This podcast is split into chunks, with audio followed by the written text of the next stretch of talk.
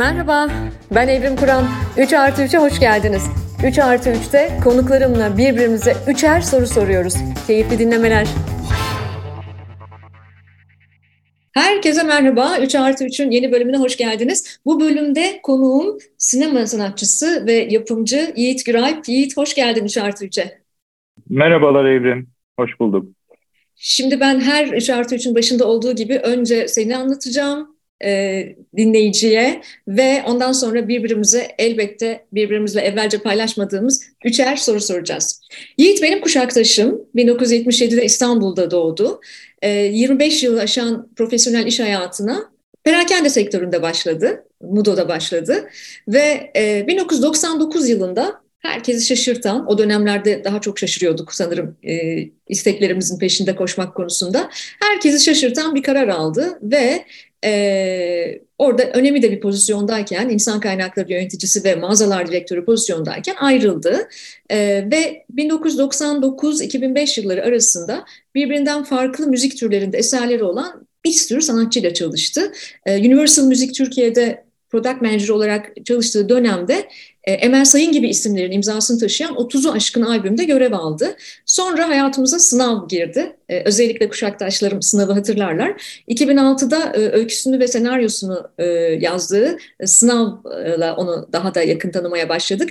2012'de senaryosunu yazdığı uzun hikayeyi izledik. Benim de gerçekten çok beğendiğim işlerinden biri. 2017'de yaratıcı yapımcılığını ve senaryo yazarlığını üstlendiği Ayla'yla e, ana akım sinemada büyük ses getirdi. Anneme selam söylüyorum buradan. Annem e, bu filmini çok seviyor.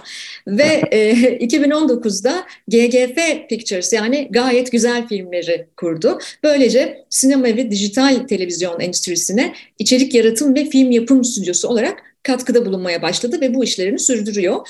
Ee, geçen sene, e, kısa bir süre önce, birkaç ay önce e, iyi hissettiren yazılar kitabı çıktı. Ben de okudum gerçekten iyi hissettim kendimi. Konuşacağız bunun hakkında da zaten. E, bu aralar Cumhuriyet'te de yazıları yayınlanıyor Yiğit'in. Yiğit iyi anlattım mı seni?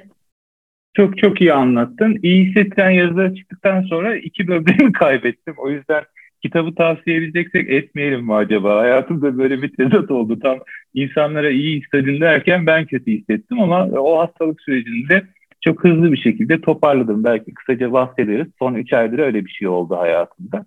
Ee, evet onun bundan dışında, bahsedeceğiz. Onun dışında, evet onun dışında her şey e, tamam.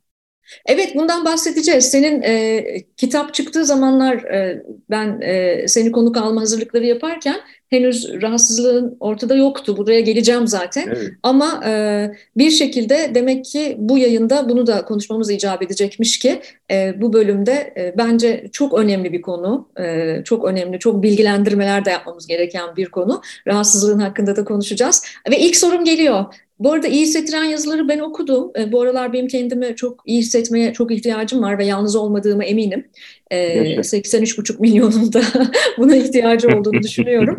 E, ilk sorum buradan gelecek. E, ama bu arada iyi hissettiren yazılarda e, okurken de e, e senin e, e, ameliyatını ve rahatsızlığını e, bilerek e, iki, iki kere okudum. İkincisini onu bilerek okuduğumda daha da iyi hissettim. Yani çünkü sen aslında oralara da referans veriyorsun kitabında. E, bu kitap iyi hissettiren yazılar Masa dergisinde farklı tarihlerde yazdığın e, yazıların bir araya geldiği bir seçki kitap. E, ve çok iyi bir ismi olduğunu düşünüyorum bu arada. Gerçekten az önce söylediğim gibi. E, Teşekkür ederim. Çok çok ihtiyacımız var iyi hissetmeye. Lütfen sevgili dinleyen e, lütfen kitabı alınız, okuyunuz. E, sosyal medyamda da kitabı paylaştım, görmüşsünüzdür zaten. E, ve e, Yiğit'e ilk sorun buradan geliyor. E, ben kendimi iyi hissettim kitabı okurken. Peki sen e, bu kadar badireleri de atlattığın bir dönemde iyi hissetmenin anahtarını nerede görüyorsun? Yaklaşık 39, 38, 39 gün kaldı Türkiye Cumhuriyeti tarihinin en kritik seçimine, hayatımızın en belirsiz dönemlerindeyiz. Kişisel, ulusal ve global olarak bir sürü meydan okuyuşlar yaşıyoruz ve iyi hissetmeye çok ihtiyacımız var. Sence nedir iyi hissetmenin anahtarı? Ee, iyi hissetmenin anahtarı bana sorarsan kabul etmek. Yani hakikatle didişmemek. Ee, insan tabiat olarak e, kendini kandırmaya çok meyilli. Kendini kandırarak iyi hissetmeye çok meyilli. Ama e, bütün psikiyatri biliminde de, e, psikolojide de hep söylendiği gibi geriye atarak iyi hissetmek e, problemleri ertelemek ve ötelemek daha sonradan yeniden patlak e, veriyor. Ben böyle kişisel gelişimci gibi konuşmaktan çok haz etmiyorum. O tür kitapları da e, çok ilgi alanıma girmiyor. Çünkü e, çağımız o kadar mutsuzluk e, içeren bir çağ ki insanlar istihdam olamıyorlar, hayallerini gerçekleştiremiyorlar ve başarabilmiş insanların tavsiyelerine de e, üst perdeden akıl vermek gözüyle bakıyorlar ve durup dururken bu kişisel gelişimcilik bir alerjen bir şeye dönüşmeye başladı. Yani ben şeye benzetiyorum, e, kıyamet filmlerinde süpermarket yağmalanır gibi başarılı insan linç ediliyor. E, başarabilmiş insanlara düşmanlıkla bakılıyor. E, ben kızamıyorum çünkü bu yabancıların side effect dedikleri kaçınılmaz bir yan etki. Yani insanlar bu kadar hayallerini gerçekleştiremezse gerçekleştirebilmiş olanlara da adeta düşman gözüyle bakarlar. Bu yüzden kitapta da bugün de seninle konuşurken de şundan özellikle çekinip imtina ediyorum. Söylediklerim benim izlediğim bir yol. Kimseye tavsiye ed- etmek veya yani doğru kelime dikte etmek olabilir. Kimseye dikte etmek, illa böyle yapın demek gibi bir derdim yok. Yani böyle bir hayat hikayesi var. Ben böyle karşıladım. İlginizi çekerse işte e, kitap orada, benim hayatım burada gibi dostça bir e, sohbet e, gibi kurgulamaya çalıştım e, kitaptaki e, metinleri de. E, daha önce yazılanların yanında yeni e, hiç yayınlanmamış bir takım yazılar da ekledim. E, soruya hızla geri dönersek e, kabul etmek. E, ben mesela e, 6-7 aydır hastalığımla ilgili bir takım şeyler yaşıyordum. Yani onu da aynı şekilde e, atlattım. E, ama bunun e, böbrek yetmezliği olduğunu bilmiyordum. E, birden işte kitap çıktı. Bir 20 gün sonra TÜYAP e, aralığın onu falandı galiba TÜYAP hastası. TÜYAP imza günü yapıldı. Orada ben ilk defa pandemiyi falan da böyle bir şeysiz atlattım yani. Covid'e yakalanmadan atlattım 4-5 yılı. İlk defa orada virüs kaptım e, kitap fuarında. Maskeli falan da olmasına rağmen. E, onun akabinde çok hızlı bir şekilde bir vertigo başladı bende. 4 gün yataktan kalkamadım. Bu neden acaba işte orta kulak mı, beyinde mi bir şey var diye bakarken çok basit kan testlerinde iki böbreğimin de maalesef işimin, işinin bittiği e, kitap çıktıktan 6-7 hafta sonra bir yılbaşı arifesi akşamı e, bir ünlü bir hastanenin e, acilinde öğrenmiş oldum. E, ve bana çok ciddi bir fatura çıkardılar. Bu akşam yatıyorsun, diyalize bağlanıyorsun. Ya ben de dedim ki yani hani e, arka cebimde öyle bir parayla gezmiyorum yani. Hani siz bu akşam beni yatıracaksınız diyalize. Hayır işte hocalar tatilde şu anda işte yılbaşı tatili. Pazartesi günü bağlayacağız dediler. E peki tamam dedim ben evime gideyim o zaman bugün cuma. Yani iki gün yatmama gerek yok. Ben evime gideyim dedim. Pazartesi geleyim dedim. Ölebilirsiniz ama her an dediler. Yani e, beyne pıhtı atabilir potasyum oranları. Çok yüksek, çok uzun zamandır böyle değerlerdesiniz. Kreatininiz 8'e çıkmış. Normalde 1 olması gerek falan gibi şeyler söylediler. Ben evime geldim. Tabii üzülündü iki böbrek mi? Abim kabul etmedi. Biri mutlaka çalışıyor olmalı falan dediler. Vallahi dedim arkadaşlar bu akşam yapacak bir şey yok. Bu akşam yılbaşı. Bunu kabul edelim. Yani biz bu akşam yılbaşımızı kutluyorum. Bu işe pazartesi günü bakalım dedim. Ve olayın başından işte şu ana kadar 3 ay geçti. Bu 3 aylık zaman zarfında da meseleye hep ne derlerse yaptığım, hakikatte didişmediğim, mesela diyalize bağlanacaksın dediler. Gittim diyalize bağlandım. İşte 5 saat e, sürüyor. Ön hazırlığı, arka hazırlığı. E, ama diyaliz bittikten sonra işte sosyal medyadan bu hastalığı yaşayanlar benimle dertleşmek istedi. Kendi tecrübelerini anlatmak istedi. Onların hiçbirine zaman ayırmadım. Çünkü dedim ki yani ben bugün e, buna ayrılan süre 5 saat. Yani 5 saat zaten gidiyorsun, ayakkabılarını çıkarıyorsun, kuzu gibi bir yatağa yatıyorsun, bağlanıyorsun. Yeterince bu hastalığa zaman ayırıyorsun. Sonra hiçbir şey olmamış gibi işlerime, yazdığım yeni filme falan devam ettim. E, ben iyi hissetmenin yolunun e, yok saymak değil, kabul etmek olduğunu e, düşünüyorum. E, birinci düşüncem bu. Bununla bağlantılı olarak da e, neye inanıyorsam ondan fayda gördüm. Dolayısıyla ben bir cumhuriyet çocuğu olarak daima e, pozitif bilime e, ve rasyonel akla, Hegelci akla, işlek akla her zaman için inandım ve e, ve tek faydayı da bilimden gördüm açıkçası.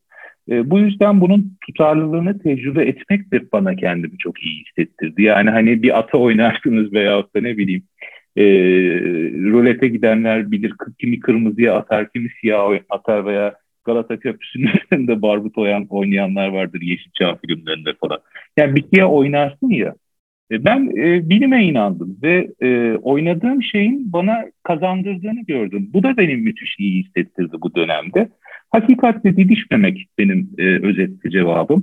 Gerçeği kabul etmek e, ve gereken neyse hızla gerekeni uygulamak. Yani kolay uyum sağlamanın yolu hayata. Çünkü hayat e, sonsuz iyi hissedilen anlarla geçen bir süreç değil. İyi var, kötü var. Bunları nasıl göğüslediğim kısmıyla ben ilgileniyorum.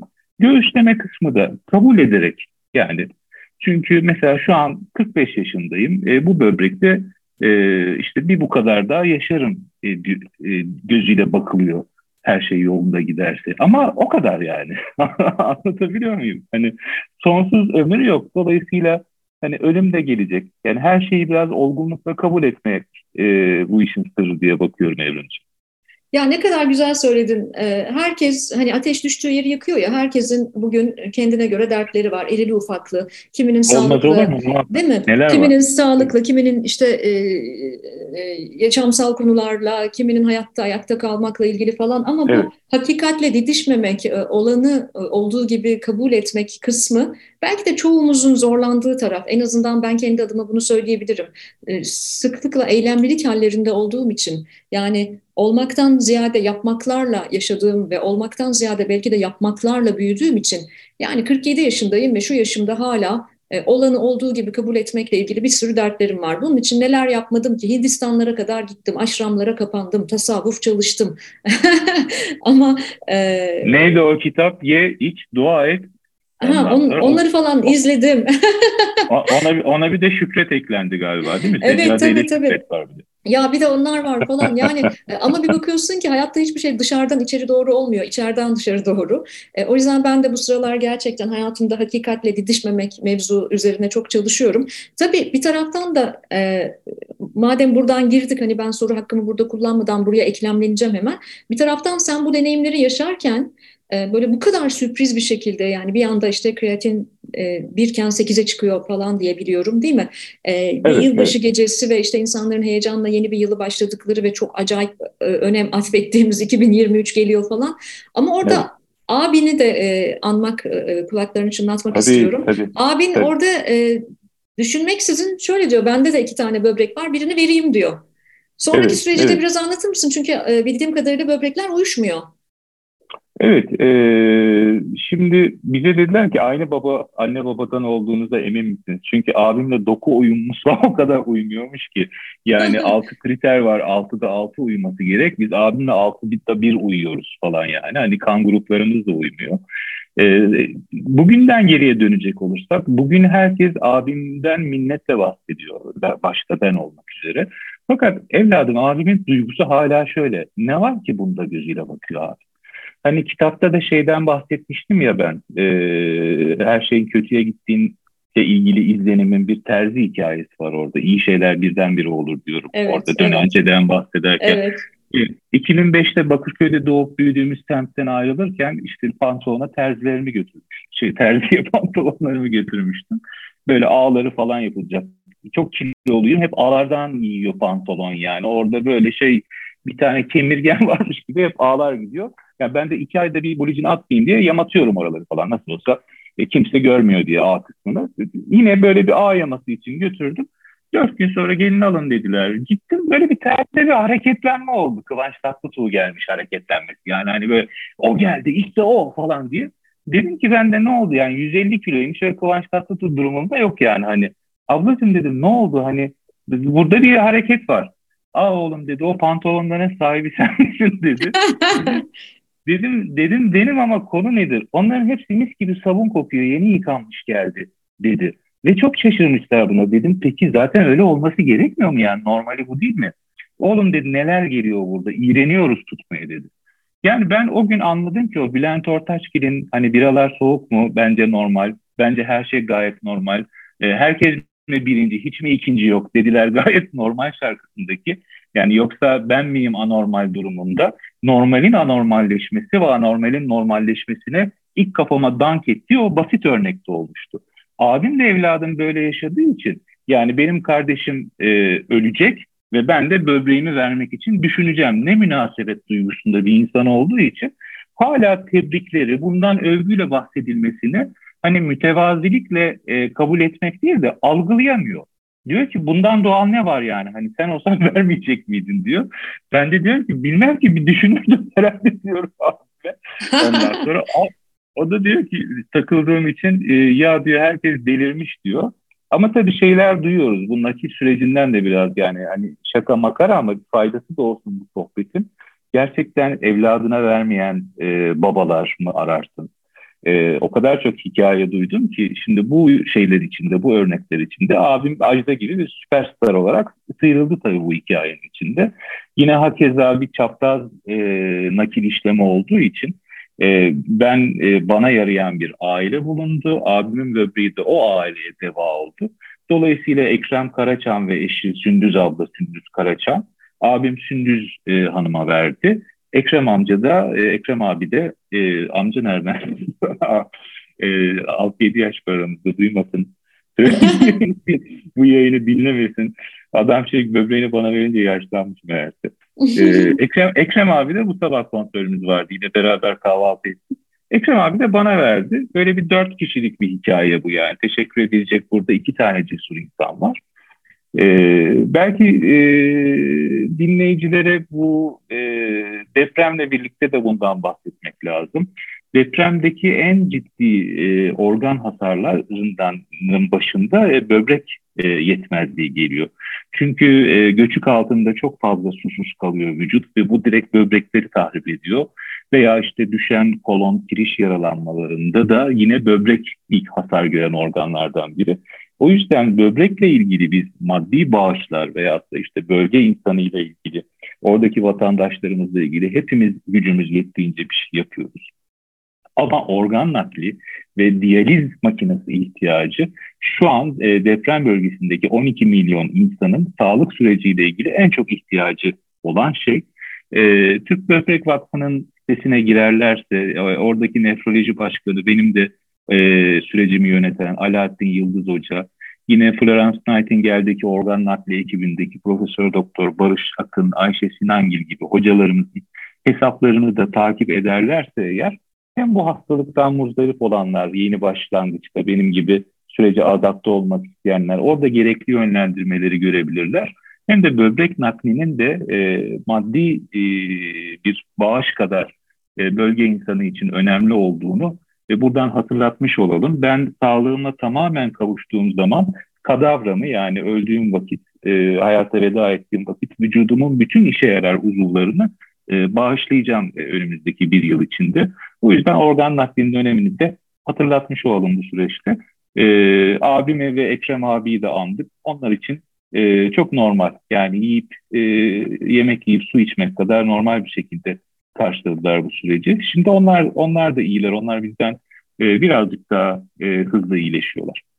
Ne kadar güzel anlattın. Ee, çok önemli isimler telaffuz ettin. Bir kez daha ben tekrarlamak istiyorum. Abiye çok çok selamlar, sevgiler. O çok normal bir şey yaptığını düşünüyor. Evet ama bunu çok iyi biliyoruz ki e, bu tarz sıkıntılarda hatta organ bağışı gerektirmeyen sıkıntılarda bile ailelerini terk eden, e, bununla başa çıkamayan insanlar olduğunu bile biliyoruz. Onun için e, abiye selam sevgi ama bir yandan da e, Ekrem ve Sündüz Karaçam'a da selam sevgi. Sen artık e, Ekrem Bey'in e, böbreğini taşıyorsun vücudunda. E, onunla da konuşuyorsun diye duydum. Doğru mu? Ailece ailece konuşuyoruz. Biz donör değil dinir olduk yani. Kız alıp oğlan alıp vermiş gibi olduk. Ben öyle diyorum. Evet. Ee, şimdi e, üç tane oğlu ve üç gelini var ve yeni bir torunu oldu. Dördüncü torunları oldu. İşte hafta 8 gün 9 iletişim halindeyiz. Senin kretinin kaçtı, benim kaç çıktı falan diye öyle onları yarıştırıyoruz. Bir tane kuzuları ol, oldu şimdi. ikinci kuzuları oldu. Ee, bir koyunları var. Ee, oğlan bir kuzu. Ee, Yiğit koydular onun adını. Yiğit koyduk. Şimdi, şimdi orada bir tane daha e, şeyimiz var. Kuzumuz var Yiğit. E, ben küçükken de böyle şey 6 kilo doğduğum için hep iri bir adam olduğu için böyle e, hiç olmazsa minik bir şey değil. adımızı verelim de ben de küçüleyim cebe gireyim falan gibi duygularımı böyle tatmin ediyorum. Yani hayatım boyunca minibüslere falan sığamamış bir kardeşiniz olarak. ee, ya o minibüsler eskiden şey böyle e, ayakta yer verdiğim zaman tavan benim belime geliyor yani. Herkesin kafasına gelen. Boy uzun, bacaklar uzun, hiçbir yere sığamayız. Böyle ufak tefek şeyler gördüğüm zaman artık adımı verelim demeye başladım. Kuzumuzun adı var, küçük bir yiğitimiz var. Yani çok çok nadide insanlar. Karı koca birbirlerini bir kere çok e, büyük bir aşkla seviyorlar. E, bana bir anekdottan bahsedildi. E, fazla da uzatıp insanların canını sıkmak istemem ama ilgi çekici bir anekdot. E, genelde eşler kocalarına veriyorlar nakillerde. E, bulunamayınca kardeşlerde, anne babada. E, bunun bir sevgiyle olan verme olduğu zannedilse de aslında anne e, sıra çocuklarına gelmesin diye yani çocuklar babasına vermeye kalkışmasın diye kendini öne atıyor. Yani aralarında bir aşk var da e, e, hanımefendi beyefendiye çok aşık da böbreğini veriyor zannettiğimiz çoğu olayda aslında evladını düşünerek anne refleksle kendini öne atıyor. Bu benim çok ilgimi çeken bir detay olmuştu. Şimdi burada Ekrem Bey Sündüz Hanım'a verdiği için Sündüz yengeye Ekrem abi böyle bir ekstra bir kahraman ve aralarında hocalarla da konuşuyoruz. Gerçekten büyük ve güçlü bir sevgi bağı var. Yani nazarlardan muhafaza çok e, çok tatlı bir çift. E, hayat e, beni de onlarla tanıştırmış oldu işte. Mesela bizim yılbaşı hediyelerimizden biri e, böyle bir dostlukmuş yani e, hiç haberimiz yok ya. O akşam onun neşesi bana erken gelmiş demek ki onun için hiçbir şey olmamış gibi davranmışım. Şahane, şahane ve bu vesileyle Alaaddin Yıldız Hoca'ya, Barış Akın Hoca'ya, Ayşe Sinangil Hoca'ya da selam saygı gönderelim. Organ bağışı e, konusunun altını da bir kez daha ben e, kalın kalın çizmek istiyorum. E, Kanada'da yaşadığım yıllarda yani Kanada'ya gider gitmez Yiğit, e, yerleşir yerleşmez işte ikametgahımı aldım hani artık orada yaşayan biriyim. E, hemen eve mektup geldi, hemen hı hı. E, Sağlık Bakanlığı'ndan. E, o zaman kaç yaşındaydım ya? 40 yaşındaydım. E, daha böyle nasıl biliyor musun? Bir iki hafta oldu olmadı yani. Orada böyle pek e, dijital iletişim yok. E, hemen mektup geldi eve. E, ve şey diye bir mektuptu bu. İşte 40 yaşındasınız, işte hoş geldiniz, 40 yaşındasınız ve smear testinizi ihmal etmemeniz gerekiyor diye. Hmm. Hmm. E, ve Ekim'de de bir organ bağışı formu vardı. Harikulade. E, ve bu, bir, bu çok etkiledi beni. Gerçekten evet. çok etkilendim. Çünkü biliyorsun Türkiye'deki bu konudaki tavrı. Hatta evet. Türkiye'de şöyle bir anlayış var. Aman yok hatta şöyle söylentiler var. Sakın organ bağışı yapma. E, çünkü sen böyle yoğun bakıma falan girersen organlarını almak için seni yaşatmazlar. Duymuşsundur sen evet. de bunu. E, evet, böyle evet. bir e, şehir efsanesi de var. E, ve ben e, çok etkilendim bundan. Kanada'da e, tabii ki ben hemen gerekeni yaptım. Organ bağışı çok kritik. Gerçekten çok evet. kritik. E, evet. Ve e, orada hala e, Sağlık Bakanlığı e, herhangi bir şekilde herhangi bir vatandaşıyla iletişime geçtiği vakit o mektupların ekine mutlaka düzenli olarak organ bağışı formlarını koyuyor. E, belki evet. bu bizim de burada yapmamız gereken bir şeydir diye e, ilgililere buradan seslenelim. Organ bağışından korkmayalım. Evet, bir de Michael Moore'un e, bu e, sağlık sigortası sistemini ve sağlık sistemini eleştirdiği bir belgeseli vardır. Michael Moore belgeselleri böyle belgesel deyince sıkıcı şeyler değildir. Gayet e, eğlenceli, akıcı ve çarpıcı e, dokümanterlerdir. Bir buçuk saatlik filmlerdir.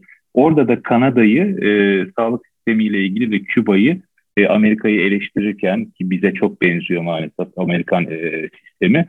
Evet. E, Kanada'yı ve Küba'yı e, örnek iki ülke olarak e, gösteriyor. O belgeseli de mutlaka e, sağlık sektöründeki herkesin izlemesini e, önereyim. E, ben şey duydum, e, o seninki gibi bir e, organları alıyorlar falan değil de bu e, aman çocuğun olmaz korkusu neymiş arkadaş bizde yani hmm. onu çok onu du- duydum.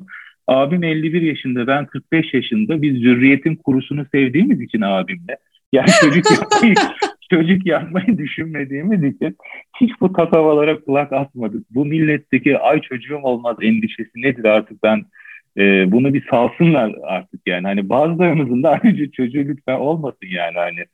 E, herkes e, bir de şey aslı asları yok yani hani gerçek olsa Hı-hı. tamam böyle bir endişe olsun. Hani herkes bir evlat isteyebilir ve benim böyle her şeye şakayla yaklaştığıma bakmayın. Çok da alıngan oldu toplum şimdi. Buralardan da 40 türlü alınganlık vesilesi çıkarmasınlar. Ama e, böyle bir şey yok yani hani aslanlar gibi de herkesin çocuğu oluyor organ bağışı yaptıktan sonra. Yani oralarını da almıyorlar arkadaşlar onu söyleyeyim yani. Hani bizim e, bizim e, çocuk yapabildiğimiz yerlerimiz yerinde duruyor. Abimin, benim, hepimizin duruyor. E, ilgili organları alıyorlar. Onları aldıkları zaman da onun e, çocuk yapmaya manevi yanı yok. Bunu da söylemiş olalım. En yaygın endişe. Yani bu kadar organa girdik. Onu konuşmasak olmaz şu anda. Evet çok güzel bir hatırlatma yaptın. Gerçekten bizim kültürümüzde böyle bir şey var. Küçüklükten başlayarak aman çocuğum taşa oturma çocuğun olmaz falan diye. ya organ naklinde bununla bir ilgisi olmadığını e, buradan bir kez daha hatırlatmış olduk. Evet. Ve birinci soru sırası şimdi sende. Ben de şimdi değil mi? Ee, çocukluğunun geçtiği ev bugün halen sağlam mı ve gidip görebiliyor musun? Bunu merak ay, ediyorum. Ay nasıl damardan girdi. Zaten evet. e, burnumda tütüyor. Zaten bu aralar e, çok e, e hasret içerisindeyim. Çocukluğumun geçtiği ev sağlam. E, Ankara'da doğdum, büyüdüm. E, yer... Çok büyük şans. Evet, hep e, bu yayınlarda da çok fazla Ankara konuşuyoruz. E, gene bak gene Ankara'ya geldi konu.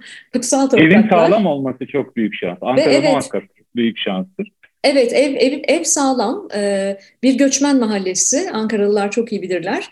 Ee, Bulgaristan göçmenlerinin özellikle yerleştiği, o yüzden de göçmen evleri falan diye de bilinen bir yer. Ankara'da Varlık Mahallesi'nde e, doğdum, büyüdüm ve e, küçücük 40 metrekare bir evde e, doğdum, büyüdüm. E, hayatımın en güzel, en mutlu günleri, hayatımın en zengin günleri orada geçti e, sokakta misket oynayan, kızlar çetesi olan falan bir çocuktum. E, ve bir lokma ekmeği neredeyse bütün apartmanın paylaştığı, e, birlikte yenilen, içilen, mahallenin delisini, e, bu tabirimi maruz görün öyle derdik, mahallenin delisini e, yıkayıp, giydirip, e, otobüs biletini cebine koyup memleketine gönderen, böyle bir imece usulü yaşantının olduğu bir yerde doğdum, büyüdüm. Ee, ve çok özlüyorum Yiğit açıkçası. Ee, ben e, Kanada'dan döneli e, daha bir yıl olmadı işte bir 5-6 ay kadar hı hı. E, önce kesin dönüş yaptım. 9 ay falan oldu galiba hesaplayamadım şimdi. Ama e, İstanbul'dayım. İşlerim itibariyle İstanbul'da yaşıyorum şu anda hı hı. ama benim memleket hasretimin goncası her zaman Ankara ve orası o mahalle. Zaman zaman geçiyorum oradan. E, benim için çok özel bir yer, çok özel yıllar onlar. E, belki de... E, Belki de e, uzun hikaye senin işlerin içerisinde benim en sevdiğim. Belki de o yüzden o kadar seviyorum uzun hikayeyi. E, nedense bana e, çocukluğumu hatırlatıyor hani o. O vagon, vagon evin ufak vagon ev, evet. herhalde değil mi? Evet, vagon ev. Evet. Çünkü aynen öyleydi Yiğit biliyor musun? Vagon ev değildi ama o kadarcık bir şeydi. Minicikti evet. ve çok mutlu, e, e, çok çok imece usulü bir hayatın olduğu.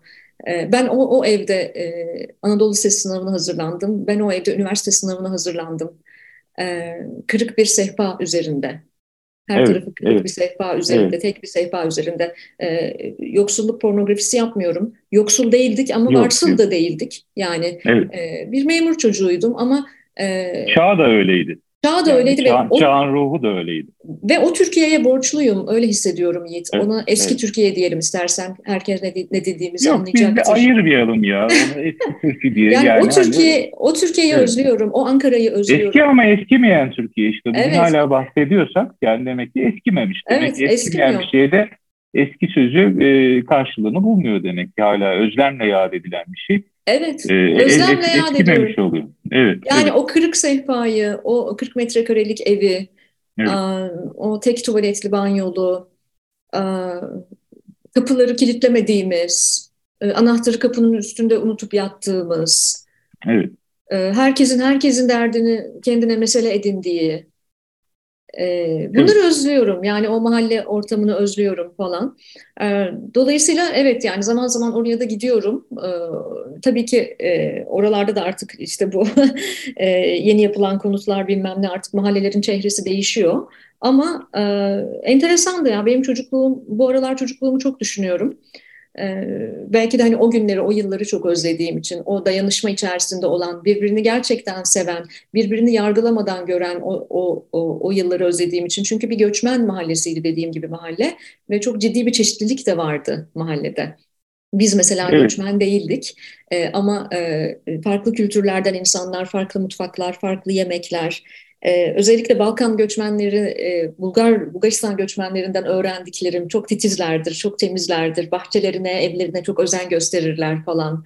Ee, o günler işte mahallenin iğneci amcası, hani iğne olman gerekir, iğneci amca gelir çantasıyla e, falan. Böyle hani onlar bana e, şu anda o kadar anlamlı geliyor ki film şeridi gibi gözümün önünden geçiyor ve gülümsetiyor beni. Bana iyi hissettiriyor yani. Yaşa, benim takıntılı olduğum konulardan biri bu Evrimciğim.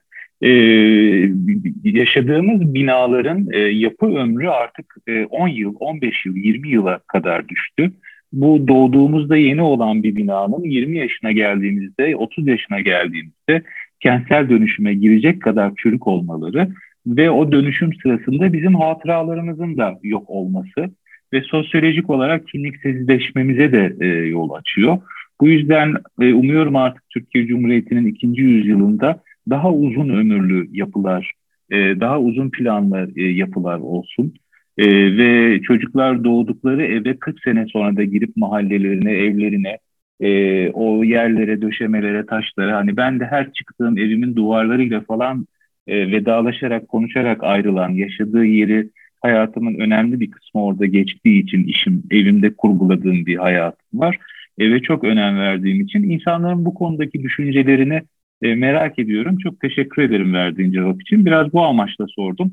E, yine bu Türkiye'de yapı stoğunun e, konuşulduğu günlerde bunun bir boyutu da sosyolojik boyutu işte. Yani biz hatıralarımızı bile gidip yerinde bulamazsak o zaman arzu ettiğimiz o medeni seviyeye nasıl ulaşacağız? Çünkü e, geçmişini kaybediyorsun yani. Bu çok önemli yaşadığımız sürece.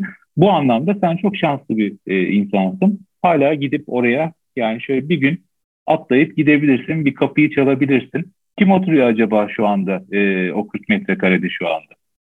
Evet, evet biliyorum. Orayla mahalleyle de bağlantılarımız hiç kopmadığı ha, için. Işte. Evet, e, bu beni çok heyecanlandırıyor. Hatta oğlum 16 yaşında şu an Türkiye'de yaşamıyor. E, çok istiyorum mesela Ali'yi oğlumu götürüp bak ben e, burada misket oynadım, e, burada bisiklete bindim, e, burada ilk kez aşık oldum. E, bu evde işte bunları yaşadım. Bunları ona göstermeyi çok istiyorum. Ve e, söylediğin şey çok doğru. Bence e, kent sosyolojisi çok önemli. E, sosyoloji evet. meselesi çok önemli. O yüzden şimdilerde yeni nesil meslekler konuşuluyor. İşte genç kuşağa önerilerde bulunuluyor. Ama ben bana fikrimi soran e, yeni nesile, e, yeni kuşağa hep şunu söylüyorum. Ne olursa olsun sosyolojiyi bırakmayın. Yani e, evet. bir biçimde evet. antropoloji, sosyoloji okuyun. Çünkü buna bizim e, bu yeni dünyada daha da çok ihtiyacımız olacak. Buna çok inanıyorum. Çok hızlı iki katkı yapacağım formatı Lütfen. da dejenere etmeden. Biri Emre Kongar, e, Hacettepe'nin kurucularından İhsan Doğramacı ile beraber ve orada TÜBİTAK'ın sosyal bilimler versiyonunu kurmak istiyor. Ve Demirel hükümeti ve İhsan Doğramacı buna izin vermiyor. Ve sosyolojinin çöküşünün miladı e, Hacettepe'deki e, bu sos, e, TÜBİTAK'ın fen değil, matematik değil, e, sosyal bilimler versiyonunun kurulamaması ciddi anlamda e, sosyoloji alanında ülkeyi geride bırakmıştır. Yapılmış çok büyük bir kötülüktür. Sevgili Emre Hoca'yı da buradan kulaklarını çınlatmış oldum. İkincisi Evrim Kur'an hanımefendinin arkadaşları, dostları, ailesi, onu seven kişilere bir tüyo. Ee, eğer ona güzel bir doğum günü hediyesi vermek isterseniz bu 40 metrekarelik evi hemen kim oturuyor buluyorsunuz. Ankara'ya götürüyorsunuz doğum gününde evrime ve o evi ziyaret ediyorsunuz. Bizim gibi insanlara verilebilecek en güzel doğum günü hediyesi bu. Ee, benim aileme yıllardır bu tüyoyu veriyorum. Benim doğum evi organize edip Bakırköy'deki e, o evi e, bir şekilde organize edip de bana sürpriz yapmadılar hala. E, sen niye yapmıyorsun Yiğit dersen valla birazcık iyileşince artık gidip onu yapacağım. Çünkü rüyalarımda o kadar çok görüyorum ki 20 yılım geçti o doğup büyüdüğüm evde. Hala da sağlam. Şimdi ev sahibi oturuyormuş. Bundan 4 sene önce kapıya kadar gittim çaldım içeri girmedim içeri bir atmak istiyorum bir, bir, bir, bir deli olarak bana da verilebilecek en güzel hediye bu ama yani Evrim Hanım'a böyle orijinal bir jest yapmak isteyenlere duyurulur burada. Ay Yiğit ne güzel söyledin. Hem de nasıl bitiyor verdin. Çünkü benimle ilgili hep bana hediye almanın Bekler. çok zor olduğunu söylüyorlar. Evet, Ay bu evet. kadına hediye almak çok zor. Çünkü hediye alınmaz. Hediye hazırlanır, tasarlanır. Evet, evet. bir iyi, deneyim iyi tanımak. tasarımı bu. Evet, evet. Onu çok iyi güzel. tanıdığını, ne kadar çok sevdiğinin bir göstergesidir üzerinde ne kadar düşünürdüğü hediyenin. Yoksa naletten bir hediye işte aa canım falan işte e, bizim de adımız hediye beğenme diye çıkar ondan sonra. çok bu, güzel bu, söyledin. efendim. Evet çok güzel söyledin. Efendim e, bana, Yiğit'e ve bizler gibi insanlara yalnız olmadığımızı biliyoruz. E, bir hediye e, vermek istiyorsanız deneyim tasarlamayı düşünebilirsiniz böyle. Bence harika bir fikirdi. E, bu fikirde çalacağım ve e, benim gibi insanlara ben de böyle hediyeler tasarlayacağım. Aklıma Turizme başlar, turizme başlarmış Evrim bunu. Başlayabilir evet. Biliyorsun böyle Türkiye'de hızlıca trend olur böyle şeyler. Tabii tabii. Hashtag doğduğum ev.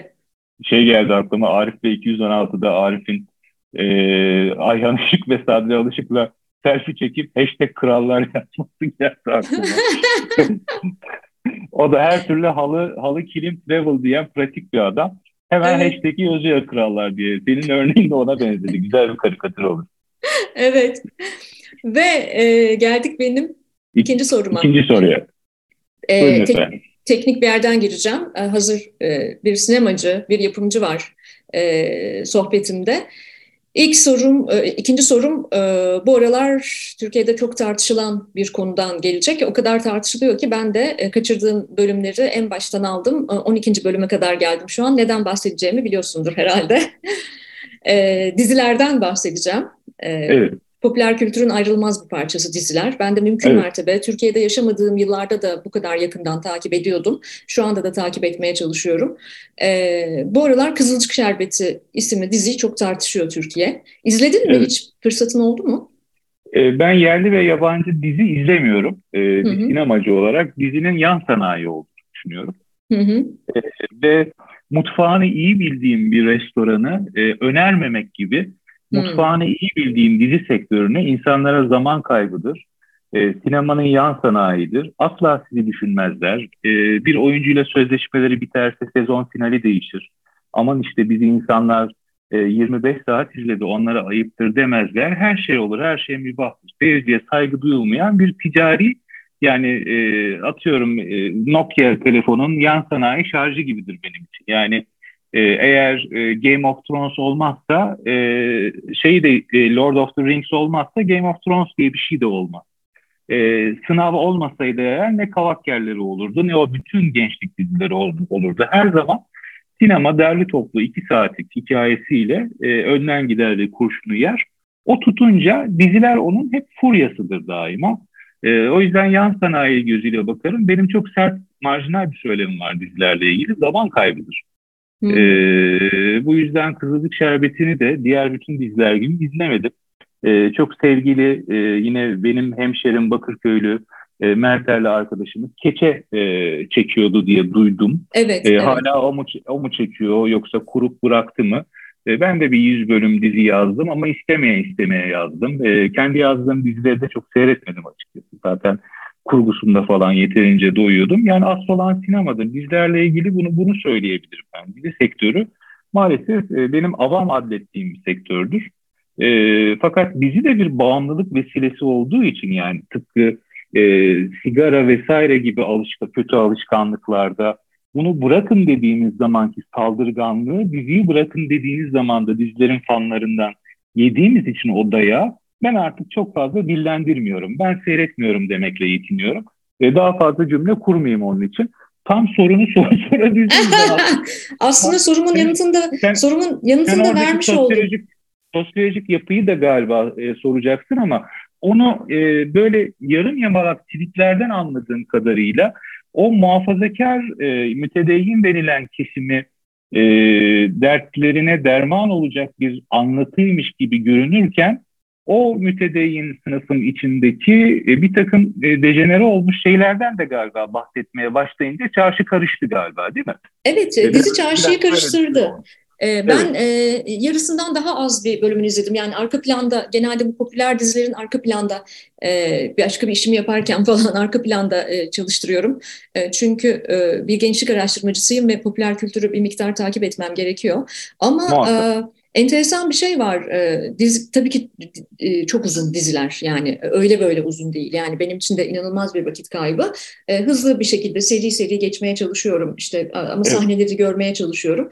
E, fakat Türkiye için enteresan bir şey. E, mayınlı bir alan gibi gördüm bunu. Riskli ve mayınlı evet. bir alan gibi. Acaba bu aralarda çok konuşulduğu için sana sormak istedim. Bu muhafazakar seküler çatışması, bu bir e, sinema filmine de konu olabilirdi ki oldu da e, biraz şeye benzetiyorlar. O, o dizi değildi değil mi? Filmdi Netflix'teki. Ben e, çok bayılmamıştım o, o, o çalışmaya ama bir başka mıydı? Bir başkadır mıydı? Bir ee, başkadır. Ee, Berkun'un, sevgili Berkun'un e, evet. dizisi. Evet. Ee, e, olabilir tabii. Onun gördüğü e, ciddi bir saygı gördü. E, evet. Berkun'da bir e, yazar e, olduğu kadar yaratıcı yapımcı. Yaratıcı yapımcılık çok önemli bir E, Titir e, bizim e, endüstri daha yeni idrak ediyor bunu. E, proje tasarım falan gibi böyle bir sürü osuruk e, terminoloji icat ettikten yıllar sonra dünyadaki jargonu işte naçizane benim katkımla işte Berkun'un veya da Taylan kardeşlerin katkısıyla bir yaratıcı yapımcılık müessesesini oturtmaya çalışıyoruz e, son 10 yıldır. O anlamda çok kıymet gördü.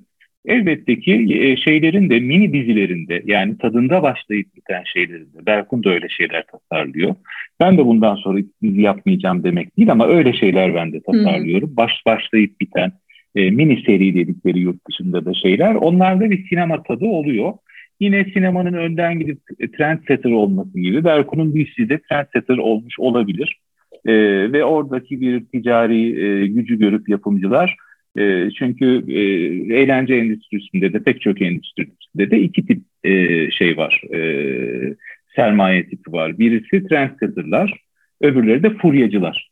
Hı hı. E, genelde işte trendler belirlenir. İşte ailede de ilk defa değil ama e, çok e, ticari bir tasarımla, herkesin hoşuna gidebilecek bir tasarımla bir gerçek hikaye devri başlamış oldu. Nasıl sınavda bir a gençlerin de hani kimse izlemez beş liselinin e, derdini kim ne yapsın demişti oyunculara teklif götürdüğümüzde sınavı. Hani Jean-Claude Van Damme geldi ve bizdeki arkadaşlar sağ olsunlar gelmeyenler var. Çok kıymetli büyüklerimizi kabul etmeyenler. Ee, Ayla'da da bu filmde aşk yok diye Türkiye'nin bütün yapımcılarını gezdi o ve e, sermaye bulamadı. E, şimdi ama e, Kore dizileri ve filmleri yapılırken ben de diyordum ki Boğaz'ın o tarafından buraya bir akıntı varsa buradan da oraya vardır.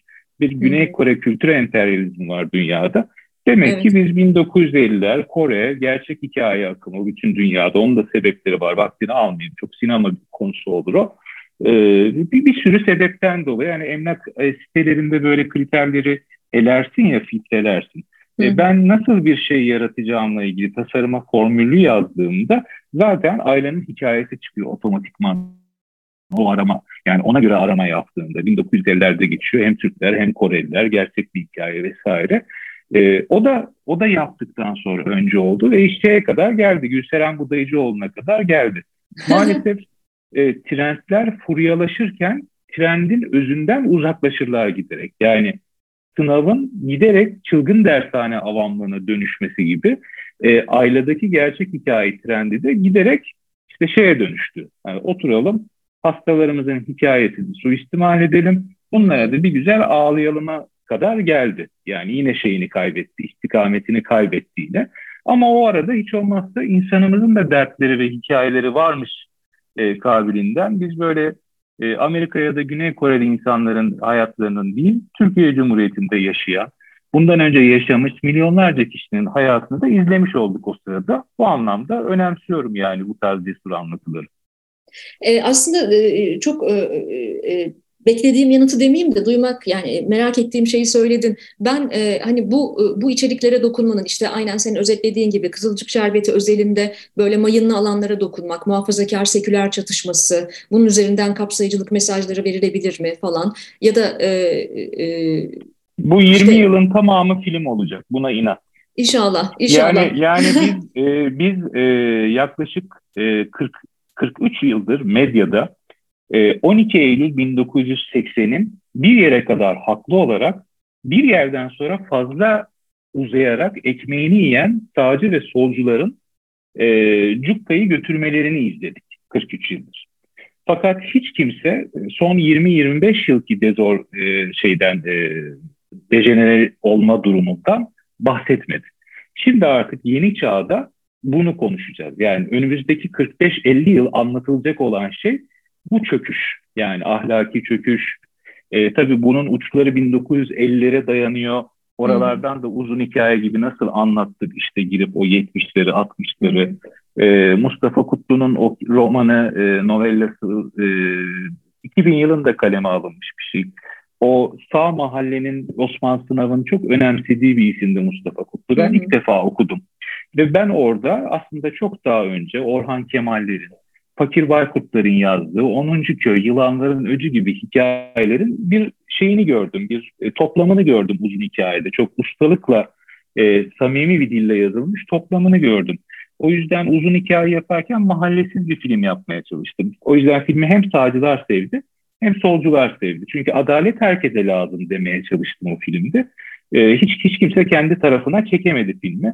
Ee, yine böyle anlatılar e, olacak, olmaya da başlamış demek ki. Bu Kızılcık Şerbeti e, ismi de çok eğlenceli. E, evet, e, evet. E, o işte e, yani de, demek, demek ki demek ki bunlara bunları e, anlatmaya e, başlamışız. Tabii ki Türkiye ile ilgili benim umudum gerçek bir demokrasiden yana olması. Gücün el değiştirme işine çok dikkat etmemiz gerektiği. Çünkü e, Falcon Yüzüklerin Efendisi'nde yüzüğü takanın delirdiği işini bize gayet güzel anlatıyor yani. o üçlemeyi seyrettiğinizde ya da evet. okuduğunuz zaman. Yüzüğü yeni ya, ya, e, takanların da delirmemesi ümidiyle e, ben bu kadar e, büyük e, kalp, gülücük, sevgi paylaşımlarını e, muhalefetle de ilgili çok doğru bulmuyorum insanların yani. Hani sahiplenmek ve desteklemekle e, insan psikolojisini delirtmek arasında bir çizgi var. Biz çok kolay delirtiyoruz politikacı denilen arkadaşlar. Yani öyle bir ilgi gösteriyoruz ki e, psikoloji bilmediğimiz, sosyoloji bilmediğimizden oluyor bu da. Gücü eline geçiren erken delirir. O yüzden ne olur bu yeni dönemde artık siyasetçiler işini yapsın. Artık ana haber bültenlerinden çekilsinler bu ülkenin sporcusu var, sanatçısı var, bilim insanı var, e, Doğu bölgesinde neler yapan öğretmeni var, işine küçücük hayata katkı yapan, dokunuş yapan yüz binlerce insan var ana haber bültenine çıkmayı hak ediyorlar. Akşamlara kadar konuşulmayı, konuşulmayı hak ediyorlar. Biraz artık normalleşsin ülke. Bu yeni gelecek olanları da gelirlerse eğer e, delirtmeyelim inşallah bir an önce. Benim İnşallah. tek ümidim bu Türkiye'deki sosyoloji ve siyaset ilişkisinde e, siyasetçinin işini yapması ve halkın artık bu kadar bunları el üstünde tutmaması. Yani devlet memuru olduğunu kimsenin unutmaması gerektiğini biliyorum bundan sonra. Eğer kalacaklara da aynısını biliyorum, kalacaklarsa gelecek olanlara da aynısını biliyorum ve ben hep o, o noktada muhalif söyleme devam edeceğim kim gelirse gelsin.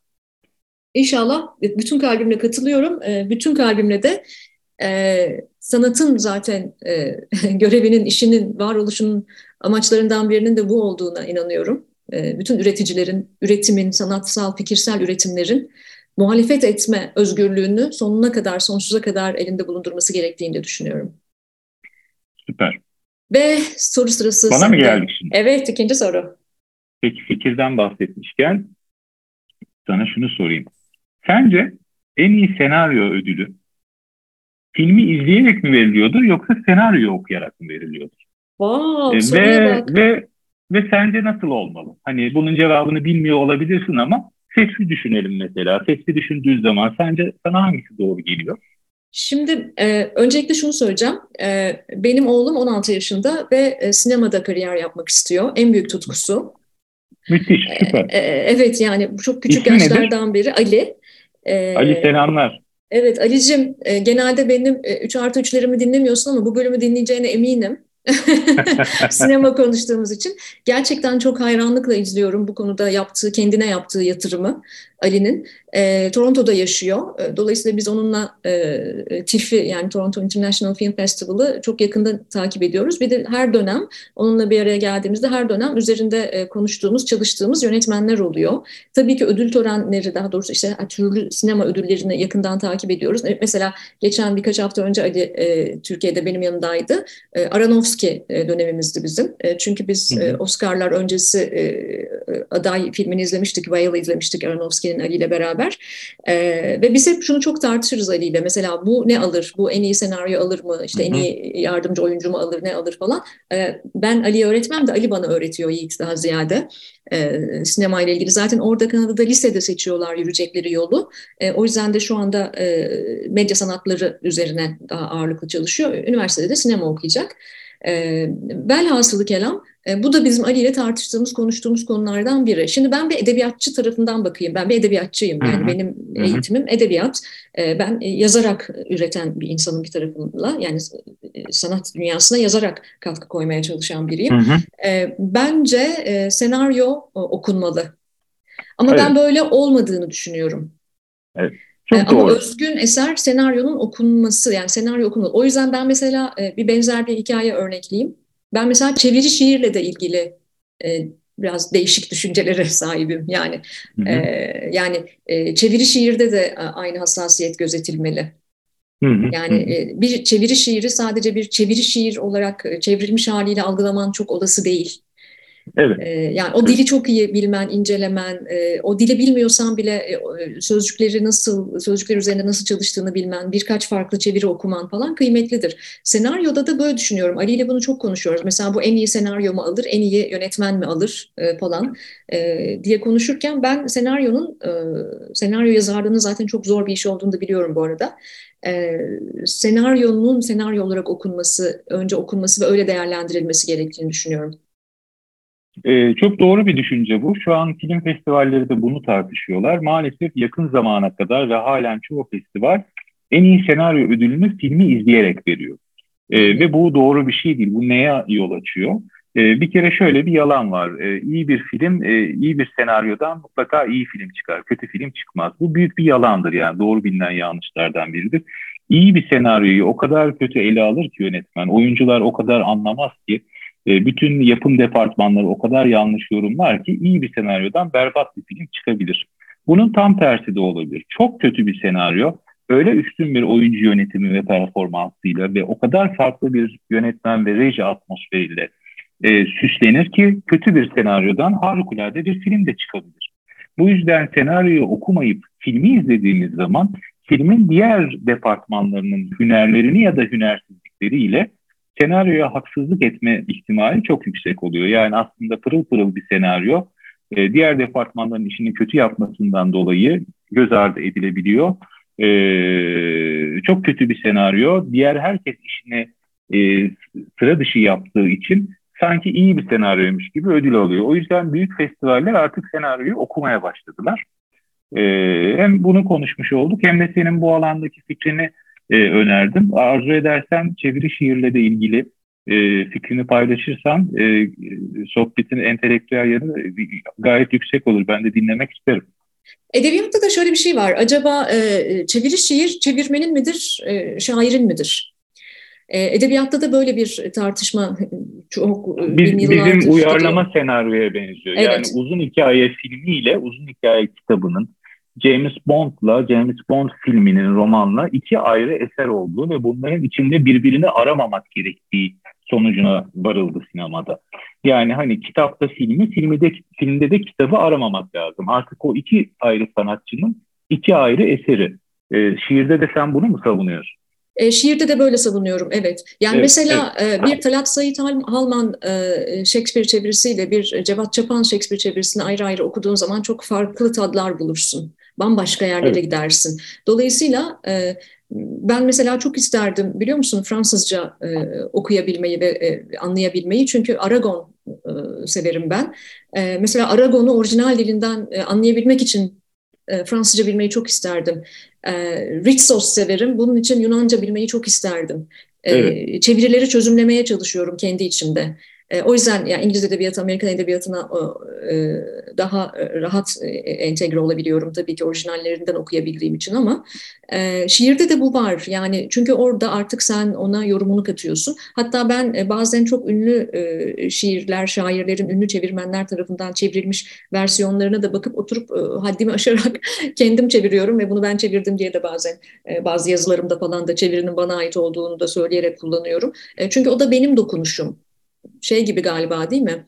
E, yaratıcı yapımcılık gibi mi biraz? E, bir, bir nüanslar var tam olarak aynı değil ama bizim uyarlama senaryo ve orijinal eser e, iki, iki dalda ödül veriliyor akademide Oscar'da biliyorsun. En iyi özgün senaryo ve en iyi uyarlama senaryo. E, hangisi zor diye sorarsan e, hep özgün daha zormuş. Uyarlama da ödev geçirir gibi baka baka yazılıyor işte efendim e, denir. Halbuki uyarlama senaryo daha zordur. Çünkü orada filmi kafasında okuyup çekmiş eski okuru da mutlu etmek gibi hem e, eserin sahibinin şahsiyetini bir meslektaşı olarak korumak gibi başka ödevlerin de vardır. O kadar serbest değilsindir özgündeki gibi.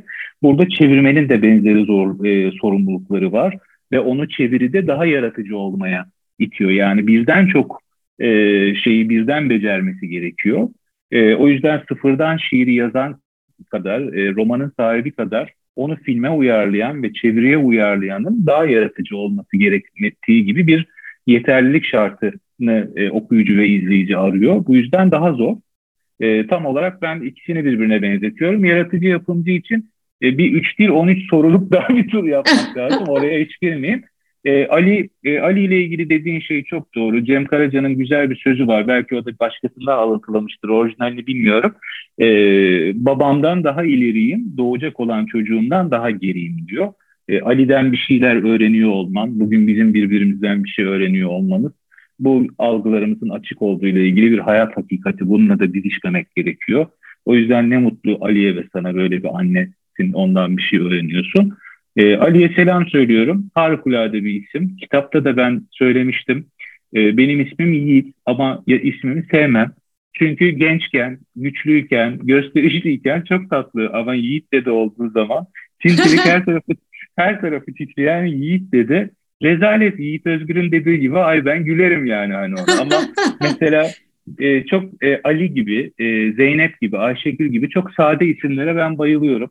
Çünkü bebekken de çok tatlı, çocukken, delikanlıyken güzel, genç kızken, işte Ali amca güzel, Ali dede de güzel yani. Her yaşta çok güzel bir isim var. Bir de çok beynelminer bir isim var. Benim adımı yabancılar söyleyene kadar dokuz doğuruyorlar. Ya evet değil mi? Çok ee, zor yani. Doğru doğru. İyi, o yüzden iyi falan diyorlar yani. Ben o yüzden öyle bir hayal ediyorum hiç biliyor musun? Hani dünya sinemasına ismini yazdırırsa falan bir gün. Benim de anne olarak işte öyle hayallerim var. Ben o direkt tören, yazdırır. Ödül törenlerine gidiyorum falan. Çünkü Ali yani kameranın arkasıyla ilgileniyor. Ee, yani e, kameranın önüyle değil. Ee, böyle hayal ediyorum tamam mı? İşte Ali e, Ali Kur'an e, böyle ünlü bir sinemacı olmuş falan. İsmi de güzel, yakışır diye düşünüyorum. Ne güzel. Süper. Süper. Benim çok zor. Altı buçuk kilo doğmuşum. Erdal Merdal düşünüyorlarmış beni. Yani direkt direkt Yiğit olarak bakmışlar. Bu ya Yağız olur ya Toraman olur bundan falan. Gürbüz olur falan yani. Hani şey gibi hani kuyu köpeği ve en çok ben anlıyorum yani. Hani evladıma da kuyudan çıktı diye kuyu koydular ya yani. evet. Hani, hani benim, benim de çok havalı duruyor ama çok e, sevgiyle yad ettiğim bir ismim yok yani. Ali'yi tercih ederdim açıkçası. Evet, e, güzel isim. Ben de o daha doğmadan e, bu ismi koymuştum kendi kalbimde. İsmiyle yaşasın. Ve e, Süper. benim üçüncü ve son soruma geldik. Buyurunuz efendim. Efendim biraz bugünümüze dönüyorum. Cumhuriyet'te yazıyorsun bir süredir. Sürekli bir yazar değilim. Cumhuriyet'in bir köşesi var. Oradaki genç kardeşlerimiz benim Cumhuriyet'te yazmam gerektiğini düşündüler.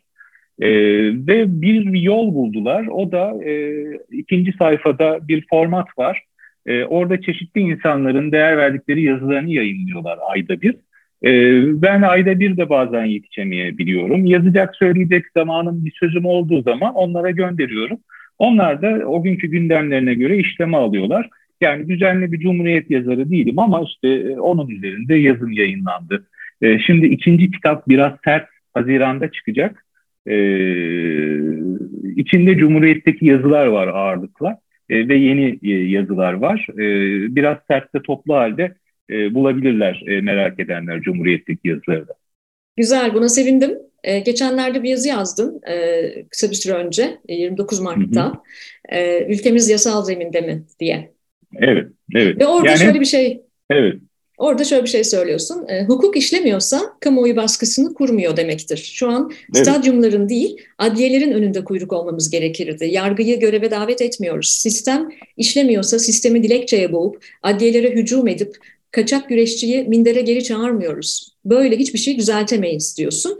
Bu e, Türkiye'de e, bu yazıda sözünü ettiğin kamuoyu baskısının bu kadar düşük e, olması benim için de çok dikkat çekici bir konu. Bunun en büyük nedeni sence ne?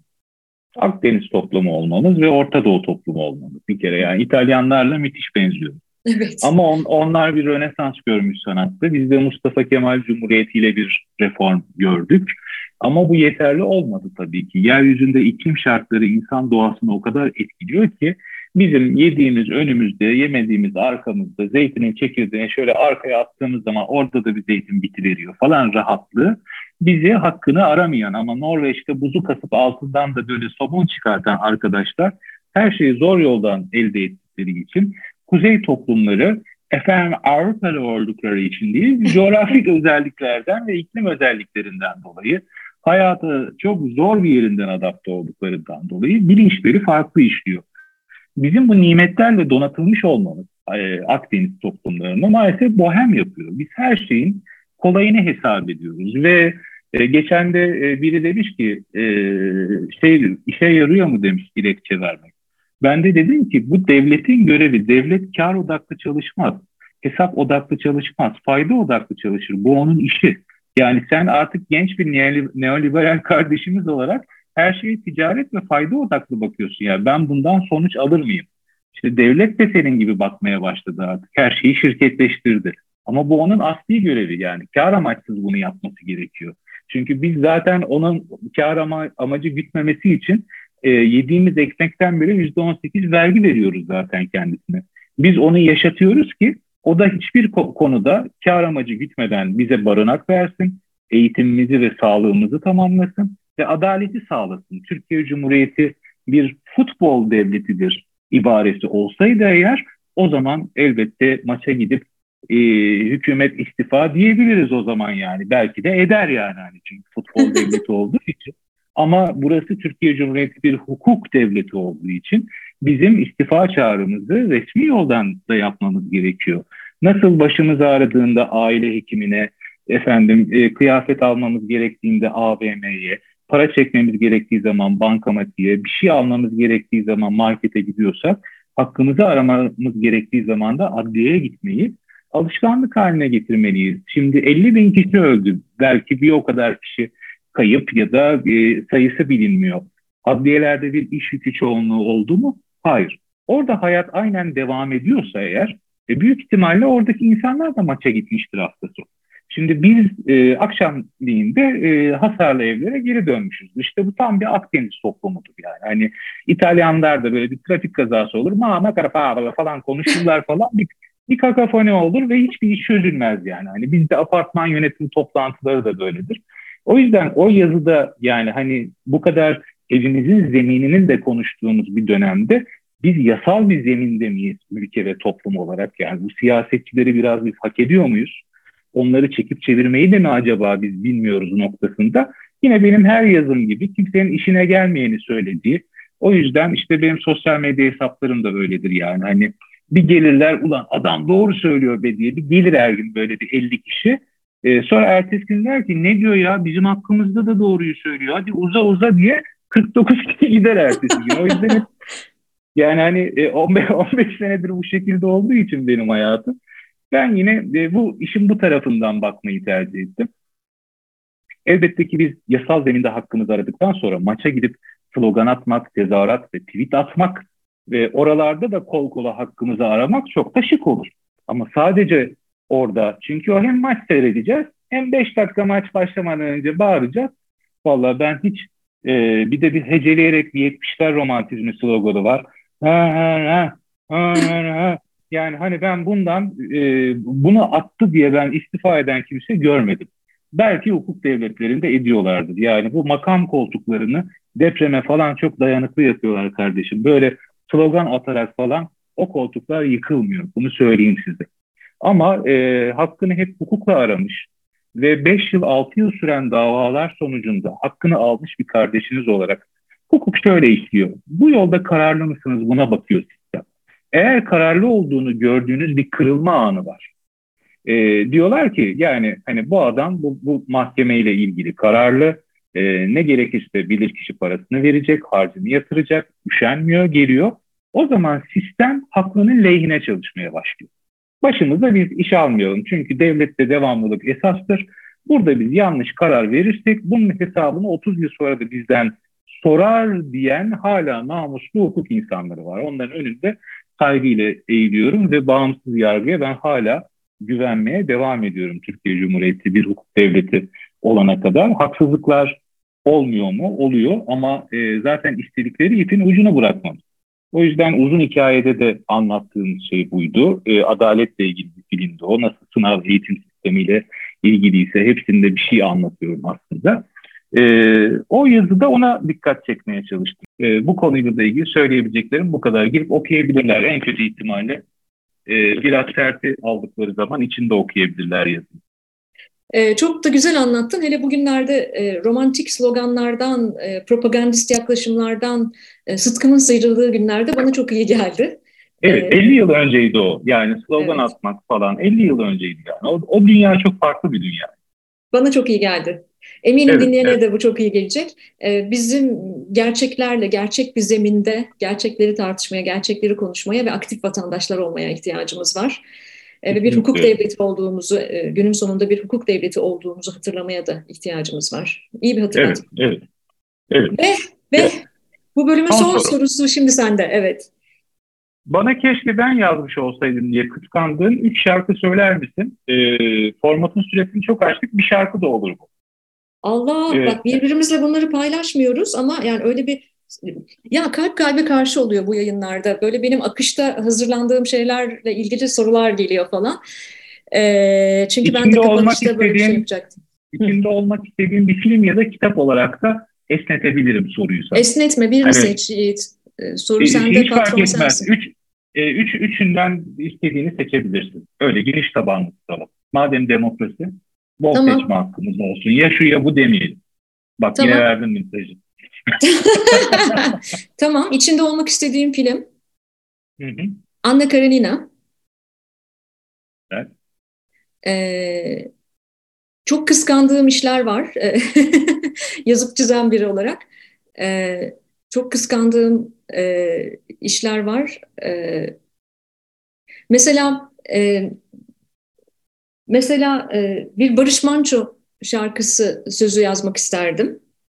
Hı hı. E, ve o da e, Sarı Çizmeli Mehmet Ağa olurdu. Hı, güzel. Onu ben yazmak isterdim. Keşke ben yazsaydım onu. Onun sonunda evrim der biraz tuzun ekmeğin olsun dediği zaman onu Darwin'in teorisi olarak almayacaksın bile. Ama onu biliyorsun değil mi? Evet zaten çelişkili bir ismim var. zaten çelişkili bir ismim var. Ee, yani e, çok seviyorum. Yani gerçekten çok seviyorum. Çok sevdiğim bir şarkı. Ee, lirikleri e, lirikleri e, Barış Manço'nun kendisine mi aitti? e, ee, 3-4 tanesi hariç Dönence e, ve Gül Pembe Ahmet abinin diye biliyorum. Hı hı. Ahmet Güvencin e, iki evet. tane beste. E, Ufuk Yıldırım'ın var iki tane beste. Affet Beni ve Kalpler Beraber. E, bir, bir, bir tane daha e, bir e, şey var. E, Kurtalan'dan birinin e, müziği var. Onun dışında yüzde 97'si kendisine ait. Evet, yani bu gerçekten çok e, kıskandığım evet. bir iş. E, hikayesini de e, biliyorum. Yani e, 1800'lü yıllarda e, Lefkoşa'nın bir köyünde yaşayan bir Mehmet Ağa. Evet, evet. E, yani gerçekten çok e, beni çok etkileyen bir hikayesi var. E, o zamanlar hani böyle eski köy ağaları böyle zalim, kötü gibi düşünülür falan. Fakat Mehmet Ağa böyle halkın kalbinde yer etmiş çok yüce gönüllü bir ağa. Yoksulları doyuruyor, ihtiyaç sahiplerini borçlarını hesabına yazdırıyor. Yeni evlenen çiftlere e, toprak hediye ediyor falan. E, ve e, ne oluyor? Her ne kadar köyün ağası olsa da sarı çizmeli Mehmet Ağa yoksul ve beş parasız vefat ediyor. evet. e, 1970'lerde de e, Nurlar içinde yatsın Barış Manço Kıbrıs'a konser vermeye gittiğinde hikayeyi duyuyor. Merak ediyor Mehmet Ağa'yı. E, ve böyle bu enfes şarkı ortaya çıkıyor. Bu vesileyle de ben de bir kez daha e, şu dizesi üzerinde durmak isterim. Güzel sevmeyene adam denir mi? E, o kadar evet. oyuncaklı bir dize ki e, her duyan kendince anlıyor onu. Ben bunu güzel güzel sevmek. Sevdin mi? Güzel evet. güzel sevmek. Acıtmadan, incitmeden, güzel sevmek. Yaşa. Güzeli sevmek diye anlamıyorum. Güzel sevmek diye anlıyorum. Yaşa. Barış abi onun devamını da çekmiş o zaman öyle düşünüyorum. Ee, Ahmet Bey'in ceketinde de diyor ki evet. e, bir gün bir yoksul öldü. E, şey, şey çaresiz kaldı e, mahalleli ama bir kefen parası bulamadı mahalleli. Kul Ahmet dedi yalan dünya çıkardı ceketini örttü garibin üstüne kaldırdı cenayet, cenazeyi. O gün herkes anladı ya nasipler kısmeti. Übreti alem oldu Ahmet Bey'in ceketi. Meğerse tüm keramet ceketteymiş be Ahmet. Evrime sorar isen sen bu yolda devam et diye. Bu da, çok, bu da çok hazırlanılmış bir program gibi oldu. Vallahi hiç hazırlanmadık. Ezbere bildiğimiz şarkılar bunlar. Değil mi? Barış abi o zaman biraz orada yani böyle bir şey, böyle bir gerçek yok. Bir yerden okuduğum bir şey değil bu duyduğum. Ama herhalde belki onu düşünerek mi yazdı acaba? Olabilir. Bence olabilir şu anda. Onu düşünmüş olabilir. Mehmet Ağa'nın şey gibi akıbeti gibi sanki yani spin-off yapmışlar gibi yani Barış Manço evreninde karakterler iç içe yaşıyormuş gibi. O şarkının içinden çıkıp burada da o cenaze rolünde belki şey. E, sarı çizmeli Mehmet Ağa. Program çok fantastik bir yere gidiyor. Kapatalım evet ama toplumcu gerçekçi biri olduğu için böyle yapsa yapmışsa da şaşırmam. Ee, buradan Yap, yapmıştır da, belki. Kesin yapmıştır ya. Buradan da e, analım ne güzel anılmak istedi. Ee, e, senin kitabında e, iyi hissettiren yazılarda içinden bu kitabın e, henüz okumayan sevgili dinleyen içinden filmler geçiyor, içinden şarkılar geçiyor, içinden bol miktarda Barış Manço geçiyor kitabın. O yüzden kapatırken ben e, Yiğit'e şunu e, Yiğit'ten şunu rica etmek istiyorum. Bazen sanatçıları ağırladığım programların sonunda genellikle yapıyorum. E, 3 artı 3 dinleyicisine bu programda konuştuklarımızı yad eden bir şarkı armağan edelim. Ne istersin Yiğit? Ne çalalım? Ee, Barış abiden e, bahsettik. O zaman e, bir kardeşi Cem Karaca'dan e, hep kahırı çalalım. Hep kahır, hep kahır yetti be desin. E, hep bence kahır. A, a, hep kahır yetti be. E, hep Almanya'daki kahır, hep kahır yetti be. vatandaşlıktan atıldığı sürgün günlerinde yazdığı e, ve dönünce de yine yayınladığı hep kahırı çalalım. Cem Karaca'dan. Tamamdır. O zaman hadi hep beraber dinleyelim. Dur, bırak kaynasın kahvenin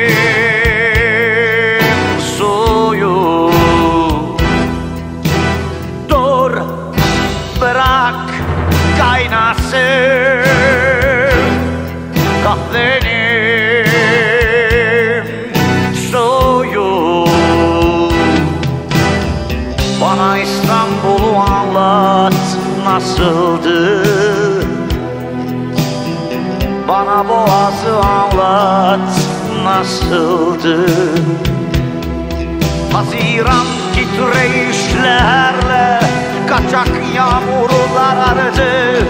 Yıkanmış kurunur muydu yine o yedi tepe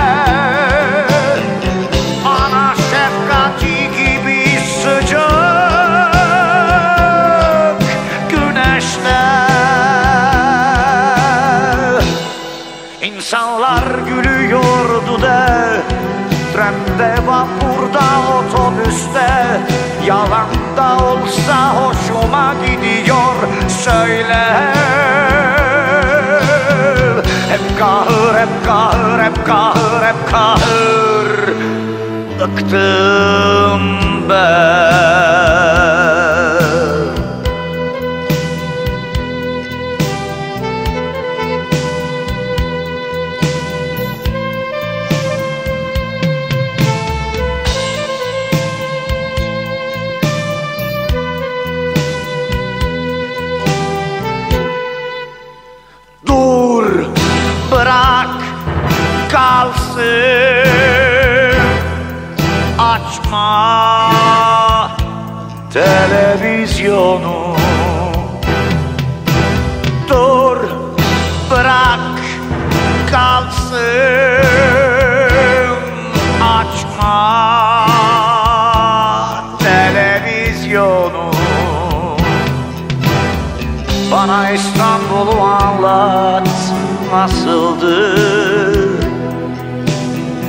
Şehirlerin şehrini anlat nasıldı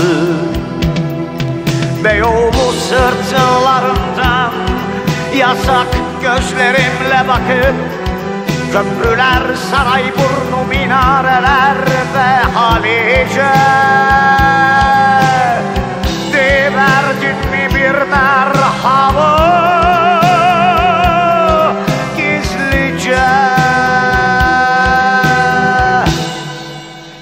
İnsanlar gülüyordu de. Trende, vapurda, otobüste Yalan da olsa hoşuma gidiyor. Söyle. Hep kahır, hep kahır, hep kahır, hep kahır. Bıktım ben. Dur, bırak, kımıldama